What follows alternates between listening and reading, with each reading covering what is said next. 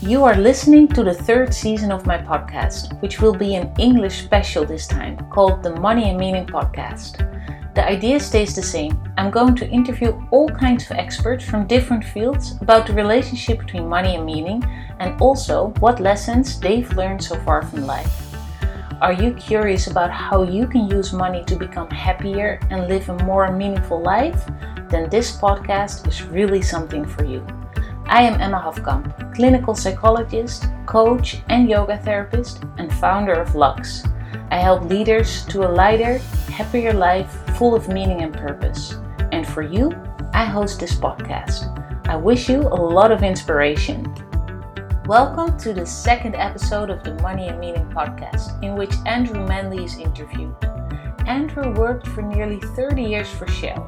After Shell, he moved from the private to the public sector and even decided to change his career in a late stage to self employment.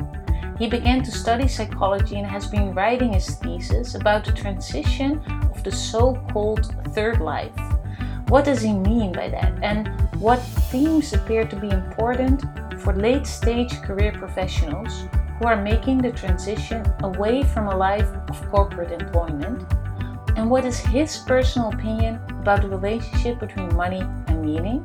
Listen to this episode to hear his answers and more. All right, Andrew. So, can you start with just shortly telling who you are and uh, and what you do for a job right now? Uh, what I do for a job now is I'm a, a management consultant and uh, an executive coach.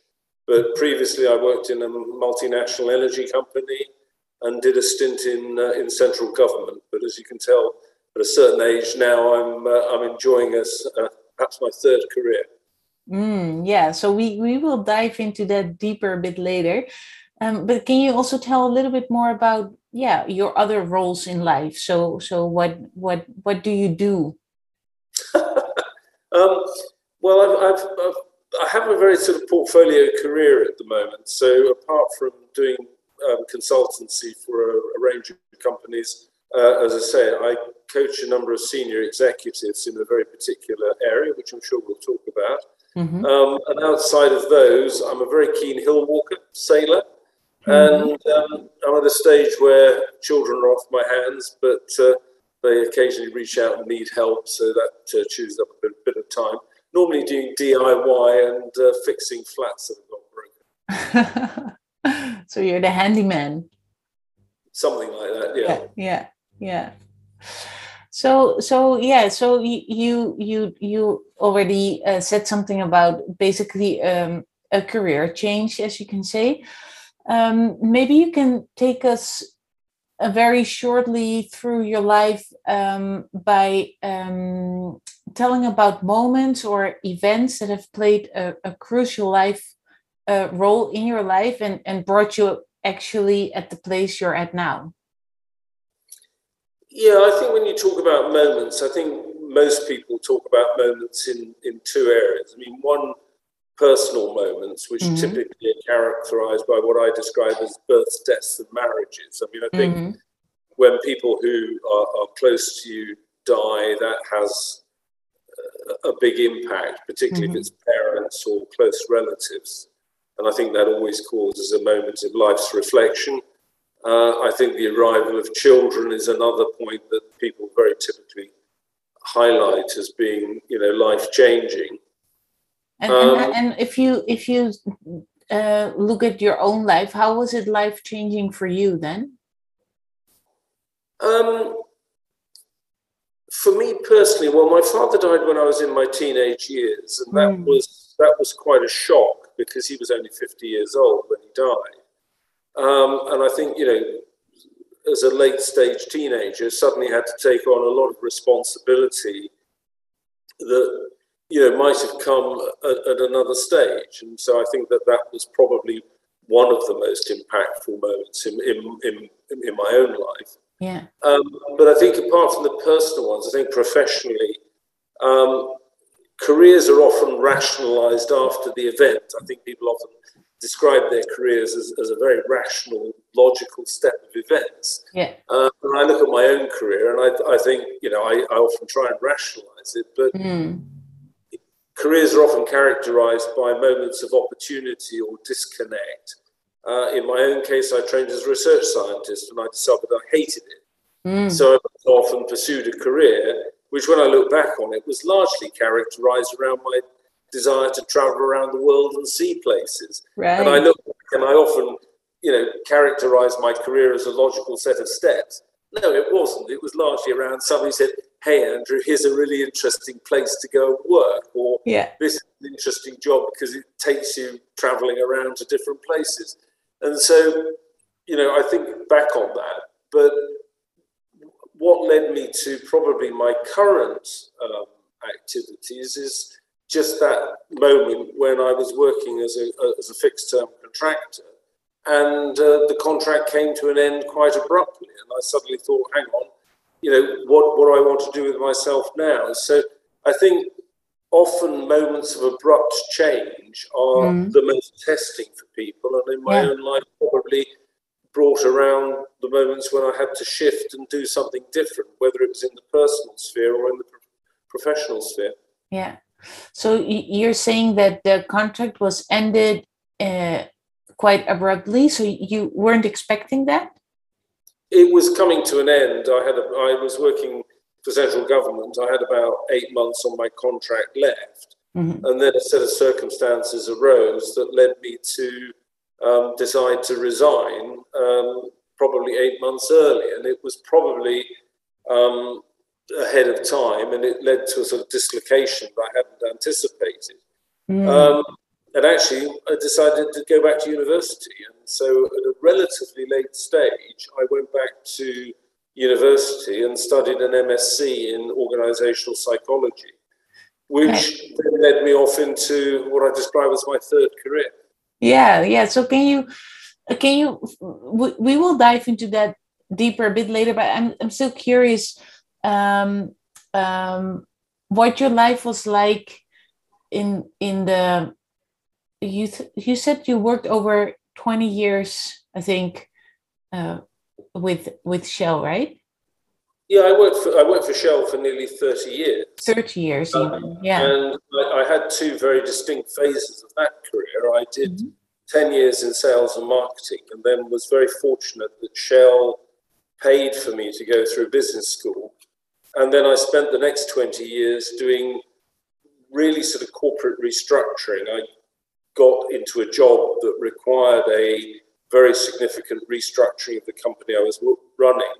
Mm-hmm. And after that, I sort of got known as somebody who fixed the broken things. Right. And so um, increasingly got drawn into doing corporate restructuring, um, divestment, uh, merger type activities mm-hmm. um, which was what actually sparked my initial interest in in uh, organizational psychology because yeah. I was curious as to how you got teams and people to work well mm-hmm. in often adverse environments or environments even where their their own jobs were on the line yeah. and um, so that that was what sparked my interest so when I finally got to a point where I had a, a career dislocation of my own. I decided mm-hmm. to go off and study it formally because it had been observed by a number of consultants that I was quite good at it, but I didn't really know quite why I was good at it. So that was what took right. me in that direction. And and do you know a little bit more about what you did well then? Now you've been studying it. Yeah, I mean, I think psychology is a you know is a fascinating area of science because we mm-hmm. understand so little about what goes on, you know, between people's two ears. Mm. Uh, and you know, there are a huge different air, number of different areas of psychology. Um, I, I think probably one of my maxims is the more I've learned, the less I know, because right. you just realize there are whole areas of psychology and science of which you, you have very little understanding. But to your specific yeah. point, do I understand more about what makes organizations tick? Yes, I probably do. Mm-hmm. And, and can you share one or two insights about this organizational psychology or or maybe what if you look back at it what what were the maybe the biggest lessons learned dealing with with the teams that had to restructure, for example?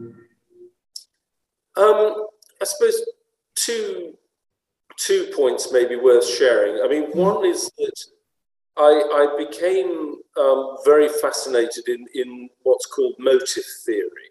Mm. And motive theory actually stems from the point that psychologically, the motives for the reasons you do things are largely established by the time you're a late age teenager.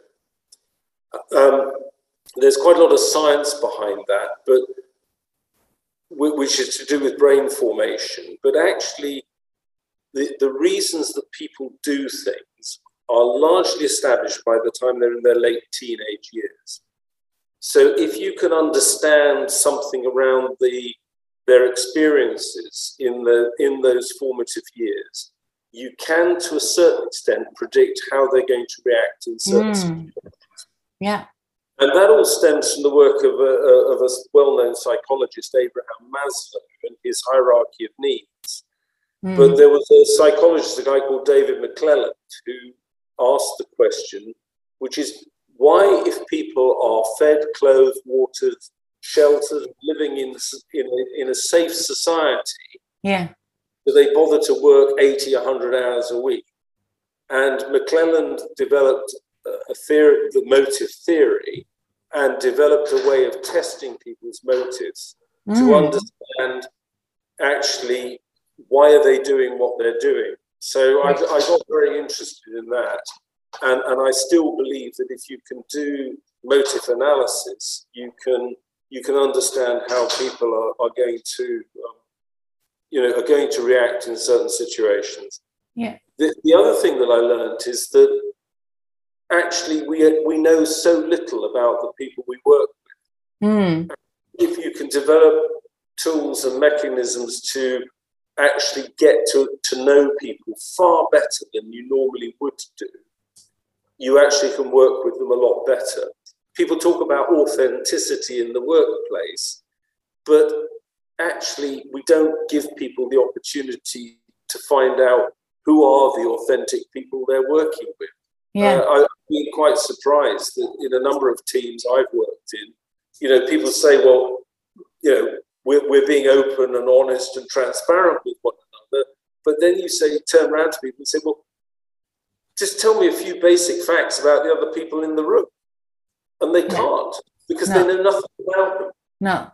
So would you say if people know more about each other that there's also more bonding or connection and, and that will bring teams further?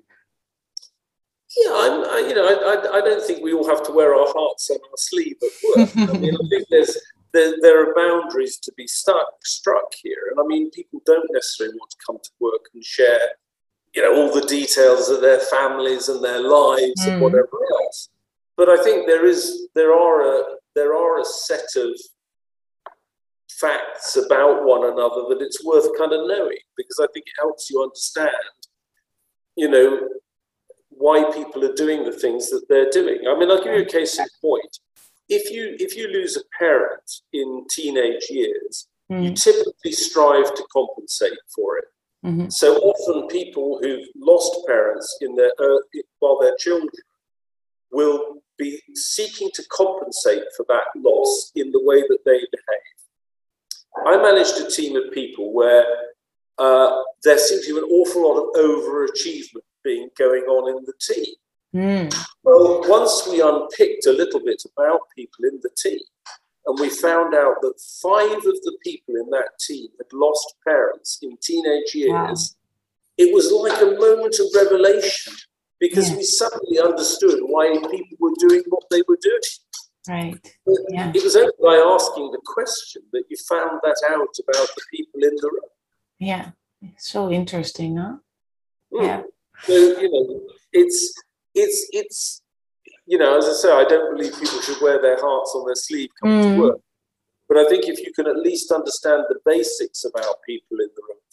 Another case in point, if you know somebody's got a very sick child and, and you know that they're having to take time off in the day, but they're working like crazy at night, it's yeah. not because they're crazy about doing their job at night. It's just that they have to handle a very difficult real situation in their lives. Yeah. Yeah.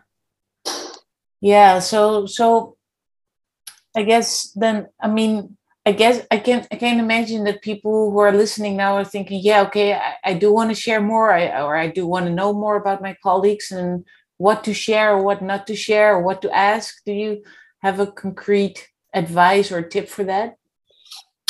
Well, there are some pretty good processes around for doing that. I mean, the most simple, which is just ask people to draw a timeline and, and highlight what were the highs and lows in their life to date and just right. get them to describe them.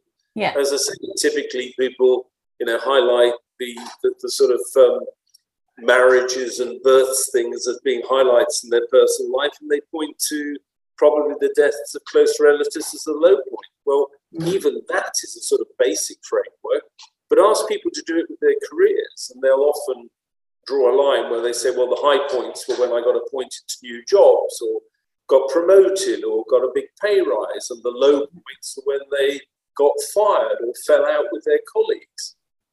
If they just talk through hmm. this, you get to understand something about the person in front of you that you might not otherwise have understood if you hadn't done it. Yeah, yeah, beautiful. So let's go back to your life and, and career. So you you said um, you you made a transition basically to a to your third career uh, by by by doing a new uh, uh, study and and I've read your thesis. Can you first maybe say what made you decide to to yeah transfer into this whole new study at this age, which is maybe a bit more unusual? Well, firstly, I don't think it is unusual because I think that with the fact that people are living so much longer than they were, so my parents' generation would have typically expected to retire mm-hmm. around their late 50s, early 60s, right. yeah. and they would have died by the time they were 70. Mm-hmm. Well, now the average um, lifespan of a male in the United Kingdom and probably most of Northwest Europe is about 85 years. And for women, it's 87 years. Yeah. And up until the pandemic, the projection there would have suggested that 50% of the children born this year in Northwest Europe will live to be 100. Organizations are still tending to get rid of people in their 50s and 60s because, mm-hmm. amongst other things, they're your most expensive employees. Mm-hmm. So suddenly people are finding themselves outside of institutional and organizational employers when they're in their sort of mid 50s, 60 at the latest. But they're faced with the fact that they get another 25 years right. yeah. of healthy life ahead of them. Before they probably have to face up to the inevitability of ill health, decrepitude, and ultimately death. So, what are they going to do? Well, the ones that are very lucky may have enough funding and finance that they can pick and choose what they do. But mm-hmm. even those people are intellectually curious. They, they want to do things. Exactly. Um, yeah. So they have to find other things to do. Other people just don't have enough money. So they've not only got to find something to do, but they've got to find something to do which remunerates them. So it's got to be financially rewarded. Mm-hmm. So you've suddenly got this whole sort of phase of life and a group of people who are often described in slightly pejorative terms as golden oldies or silver foxes.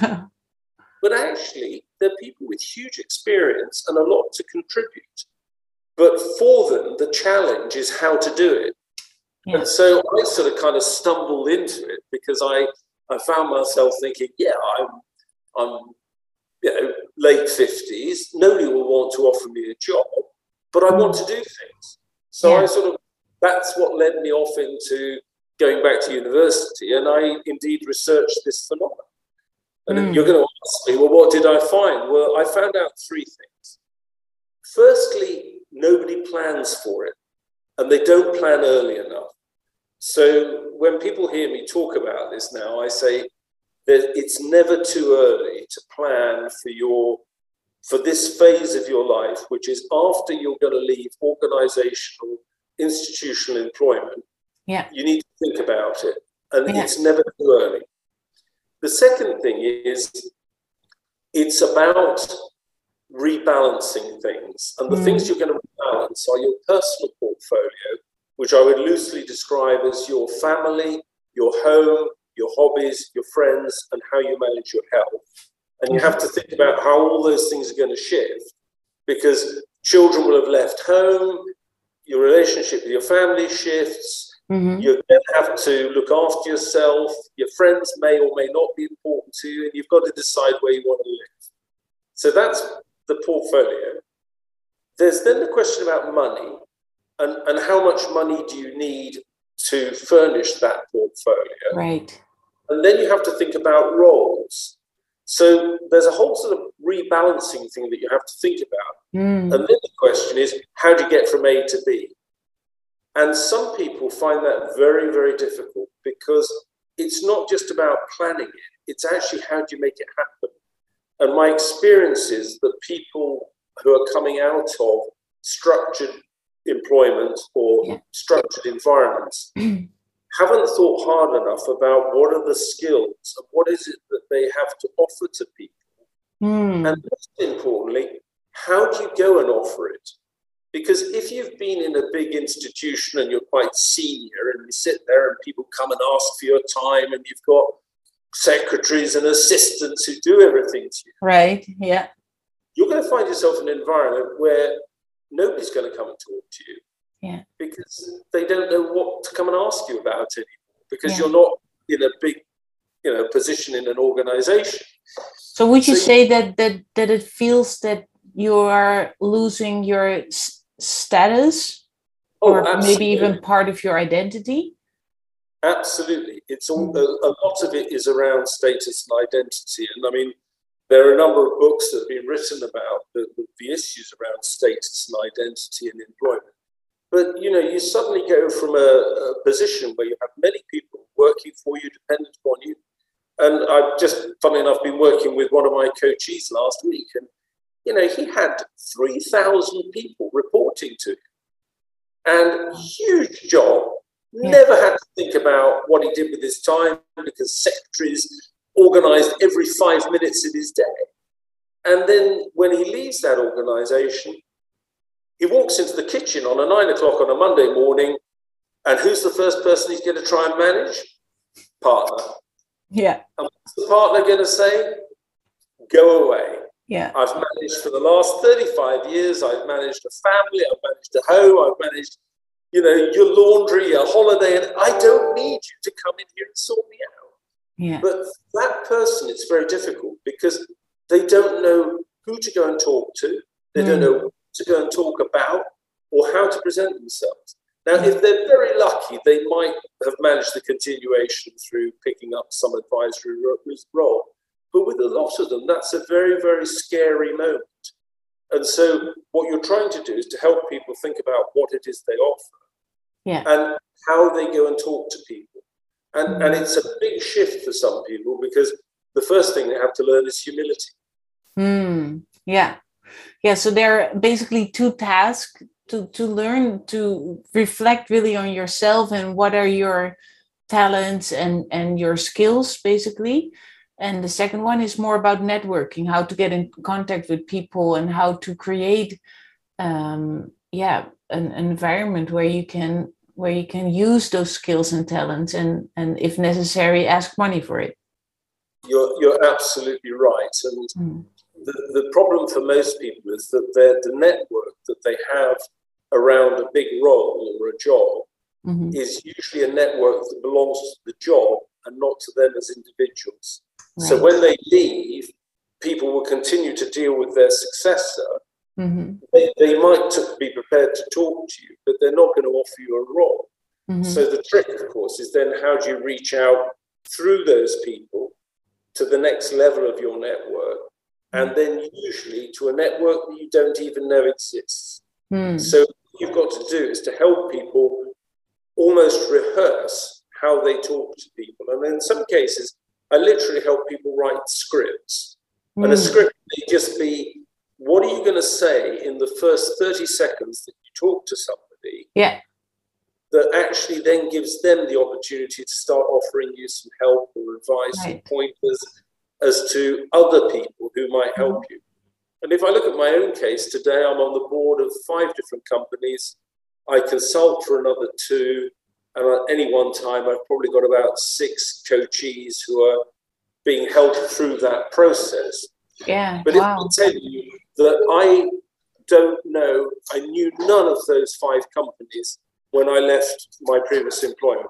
They're all companies that I found through networking, talking to people, and then going and helping them do mm. stuff.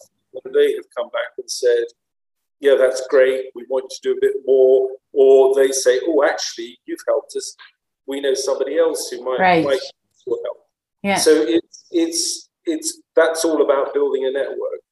But I mean, when I first started, I mean, you know, they, they say in English you have to kiss a lot of frogs to find a princess. Well, mm-hmm.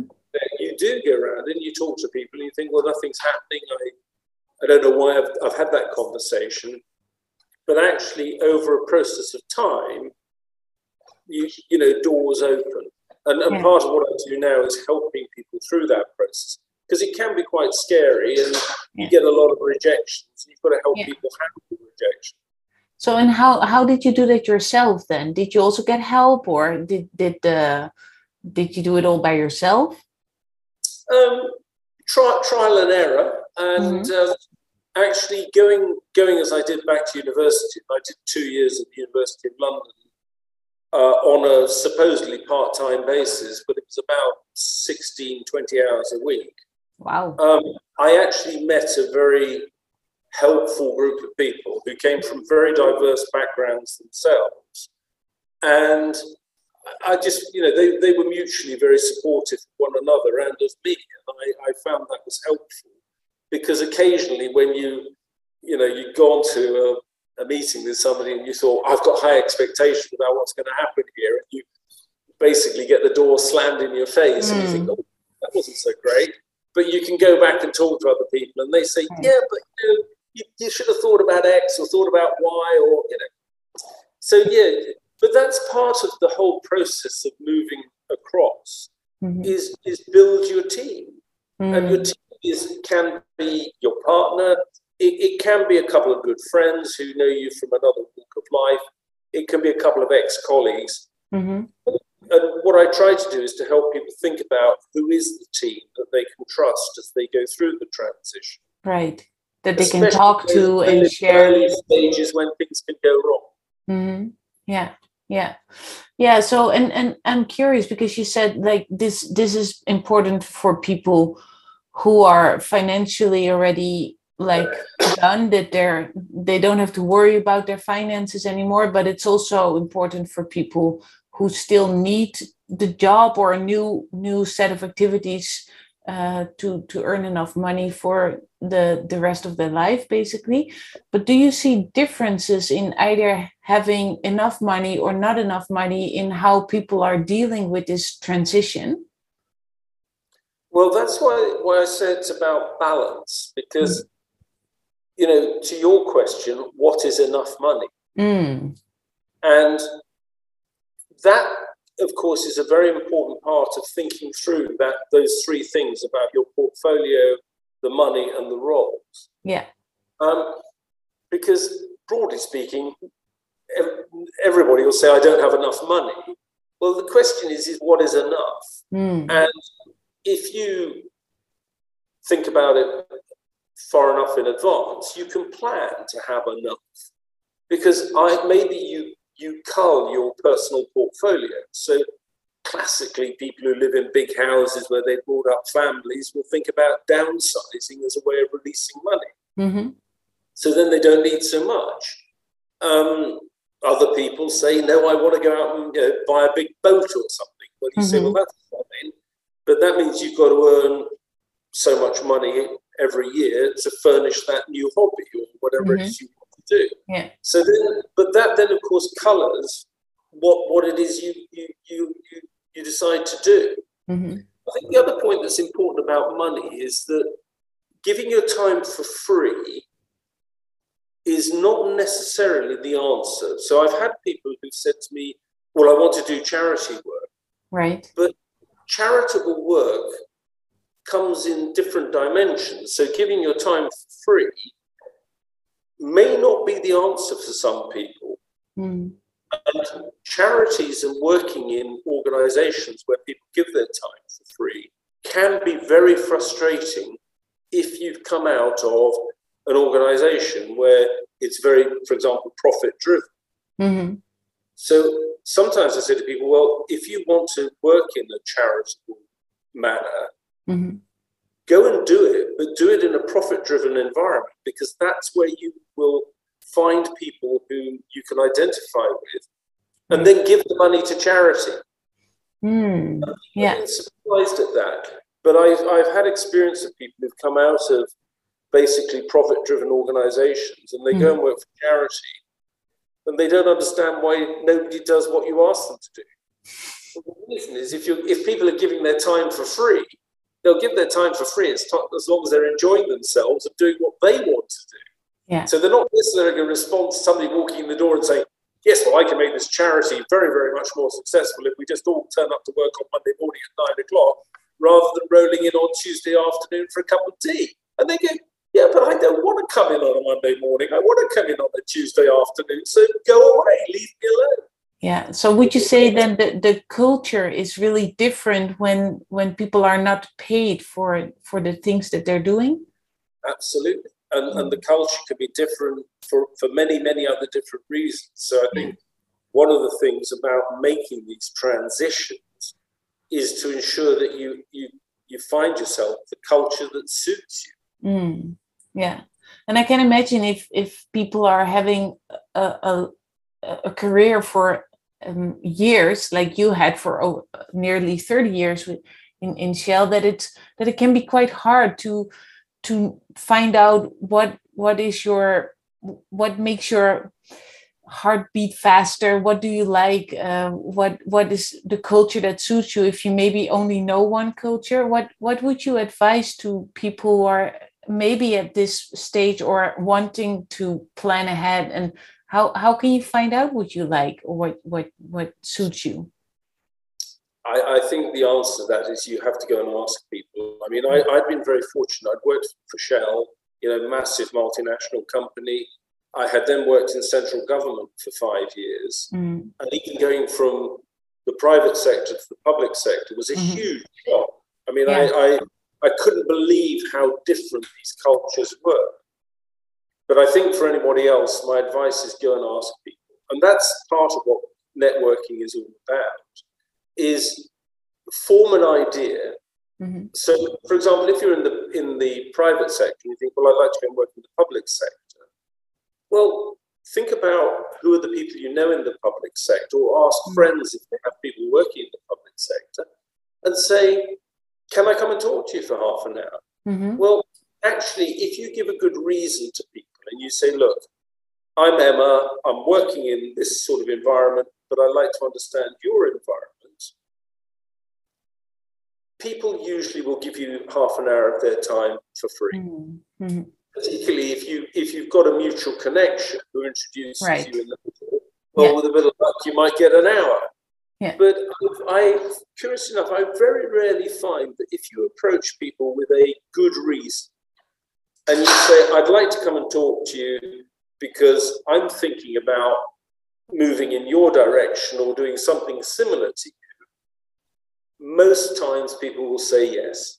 Mm. And actually, curious enough, particularly in this, this post pandemic world where we're still all working you know, remotely, or we've all discovered how to work remotely, mm. it's so much easier just to reach out to people. And I mean, people contact you and they say, Hey, how did you make this transition? And I go, Fine, let's have a Zoom for half an hour and I'll tell you. Right. And, yeah. and, and, and then, you know, it, it's not difficult to network provided you've got a good script and a reason to network. Yeah, yeah. So, so you've been working in the private sector, then in the public sector. Now you're self-employed. Um, how, yeah. So, I mean, there there's a lot to say about this, and, and maybe this is a too general question, but I'm I'm curious if you can identify in which phase you were the most happiest I, am very, very fortunate. I look back over my career broadly with possible a couple of roles. I, I would say I've enjoyed myself massively. Mm. And actually, the two occasions I wasn't happy, I got out of it pretty damn quickly. each role is different. I mean, yeah. you know, you're working in a large corporate, and you're flashing around the world, doing very exciting and challenging big projects. That's that's one thing. Um, I think the public sector, certainly in this country, badly needs many of the skills from the private sector, mm-hmm. but unfortunately engages them very badly. And so mm. the, the private sector has a very bad reputation with central government here because mm-hmm. people talk about outsourcing, and outsourcing has been very badly managed. Mm. Um, but you know, now I, I'm I'm dealing with companies who want you to come in and roll up your sleeves. And I'm sitting in the offices of one of the companies I work for at the moment, and look at me, I've got my sleeves rolled up. Because if I walked in here in a big two piece suit and a tie and all the rest of it and said to people, you know, I'm, I'm here to manage everything, they go, just go away. Right. Today, I've sat through meetings with, with, a, with some, dealing with some issues which in my Shell days I would have considered a bit sort of almost a bit trivial, but, but mm. what you're doing here is helping people with very practical, very immediate issues. And they're very grateful that you do it for them because you bring years of experience to bear when they haven't got it. Right. And and and it's huge fun. I love it because mm. they just wow, we haven't thought about that. And you go, yeah, but just do this, do that, and the other. And and it, will work. And they go away and they you see them the following week and they say, you know what? You were right. yeah. And so, you know, if you ask me, you know, what what's, you know, looking back, I mean, I've just had great fun. And, and what I'm very happy to say is I'm here in my mid 60s and I'm still having a lot of fun. And, Beautiful. you know, so long as my health holds up, it's great. And to the point, I don't have to work five days a week. If I if I want to take next week off. I can reorganize, well, not next week, but if I want to take a week in August off, I can reorganize my diary and go off and do something. And actually, then people may say, well, actually, we need you on a meeting on a Thursday. Well, that's fine. You join them by Zoom and you do your bit. So, you know, what's not to like about it? So, so how, how, um, what's your secret? How do you stay so happy and, and, and healthy so far? Well, health is, of course, something that you can only manage to a point. And mm. I think one of my advice to anybody at this stage, but it would be a, it would be a commentary to anybody, even at your tender years, is stay healthy. I mean, take exercise, eat carefully, you know, do the do the evil things in moderation, so if you're going to drink or smoke, I mean, smoke, mm. I wouldn't say don't do it, but drink. I mean, if you're going to have a beer or two, that's fine. But you know, be be careful with your health because you've only get you only get it one time around. Right. Um, there's an, of course an element of luck. I mean, I, have had friends who've died quite young from you know cancer and those sorts of mm. things. Well, you, you, know, you, you can't mitigate for those things. If your number's called, your number's called but but look after yourself. And then I think the other thing is just the words you've used several times in this interview. Stay curious. Mm. If you're curious about things, I think that's that's half the, the, the secret is just be curious and stay open and try new things out. And and if things go wrong, learn from it, but don't don't take it personally. As I say, you know, I've I've been to talk to people thinking, yeah, I, I just know I can help you. This is going to be, and they go, no. Okay, fine, move on. Right. Yeah. So, what's actually the last thing you've been learning? Um, what have I been learning? Well, I, I learn new things all the time. I mean, I think in business, the I, I always say business is around sort of really three things. It's around money. Well, nothing's changed about money, accounting, finance. It's still fundamentally the same stuff. Mm-hmm. It's about human relations and, and, and dealing with people. Well, there's nothing new in HR. I mean, it's as old as the hills. I mean, you know, people are working in different patterns, but the fundamental issues around employing people or working with people have, haven't actually changed. The thing that's changed most dramatically, and if you ask me where do I learn most, it's about marketing and operations in business. Because in marketing, the whole intrusion of the internet was something that just didn't exist when I started out. And yet today, the internet and the capacity it brings you in the marketing sphere is, is beyond my wildest imagination. And it is moving so fast. It, it's changing by the second. So th- there is always something to learn in the marketing space. And I think in operations, um, you know, operations have, has, has changed a lot. You know, big companies' supply chains are stretched internationally, and you know, we're sourcing stuff in just in time out of you know, China or wherever it is.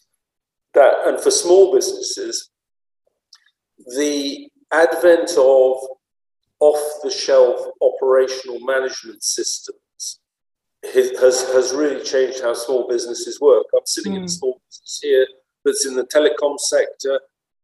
Their whole operating system is on an off-the-shelf um, package that costs you know twenty thousand dollars, and it allows them to scale up a relatively small business very quickly in terms of what they do.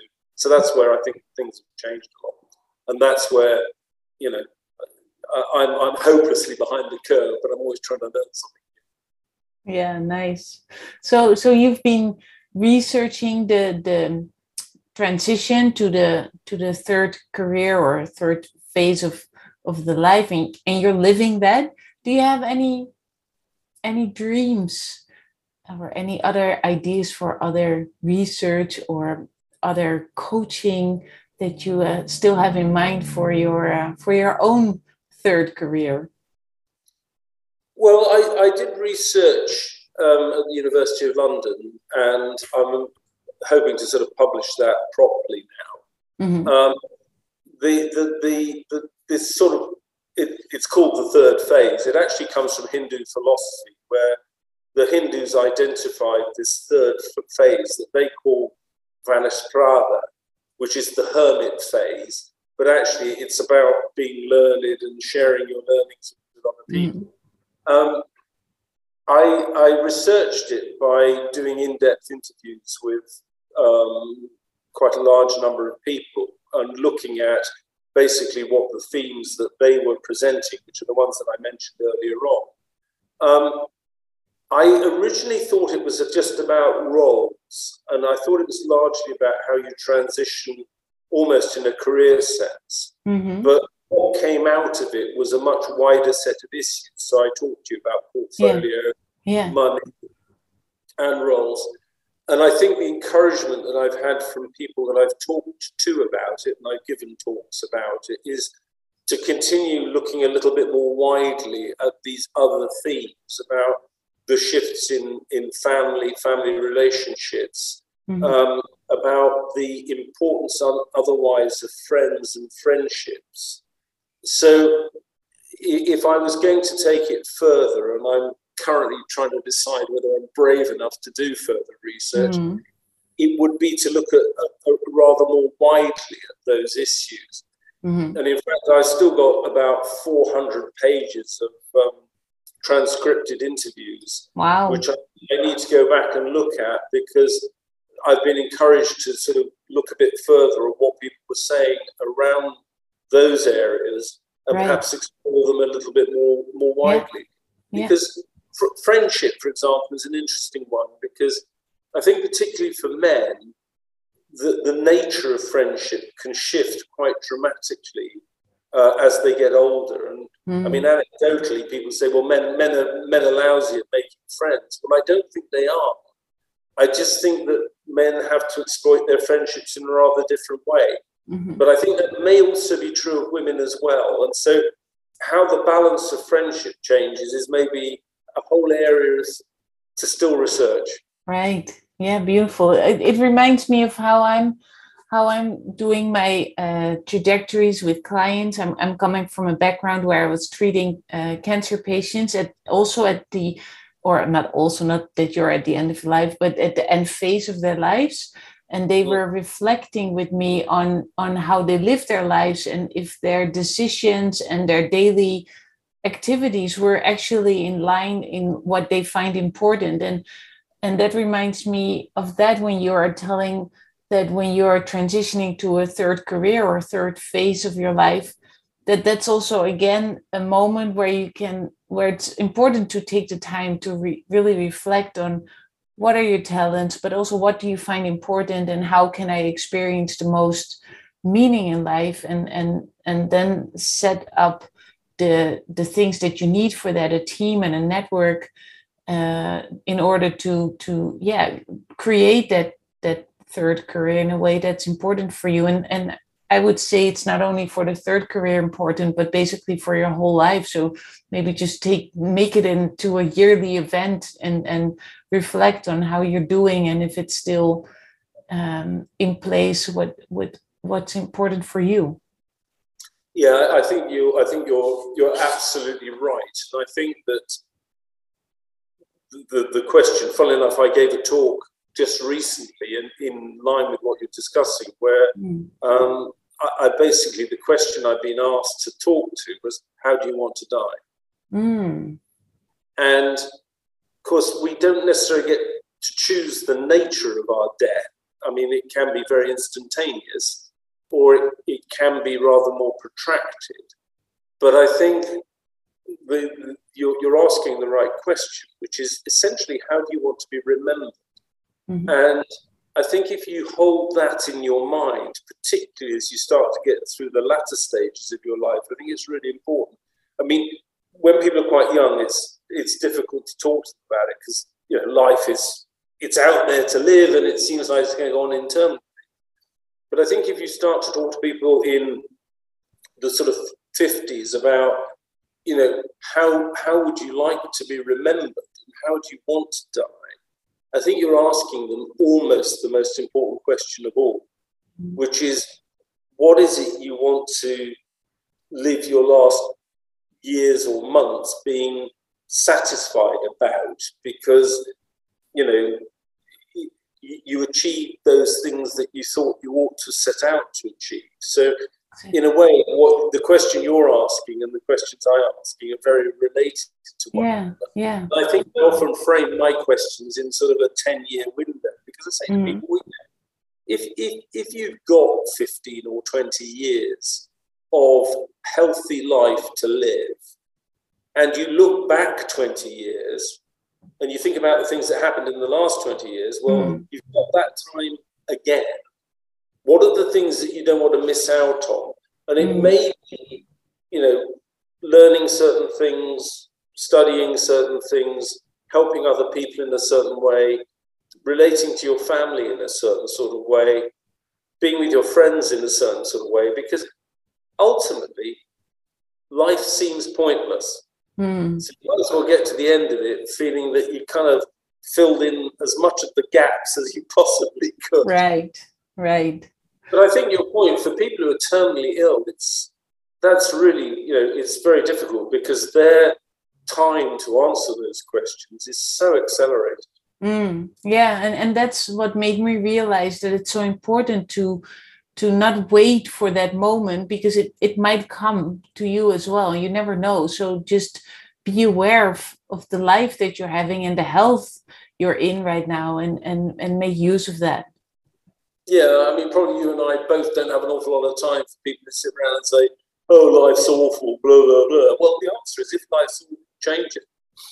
Yeah, exactly. And I think that's where, with some of my coachees, uh, the ones I'm most in admiration are the ones who've rocked out of corporate and institutional employment and said, "This is the opportunity to do something different."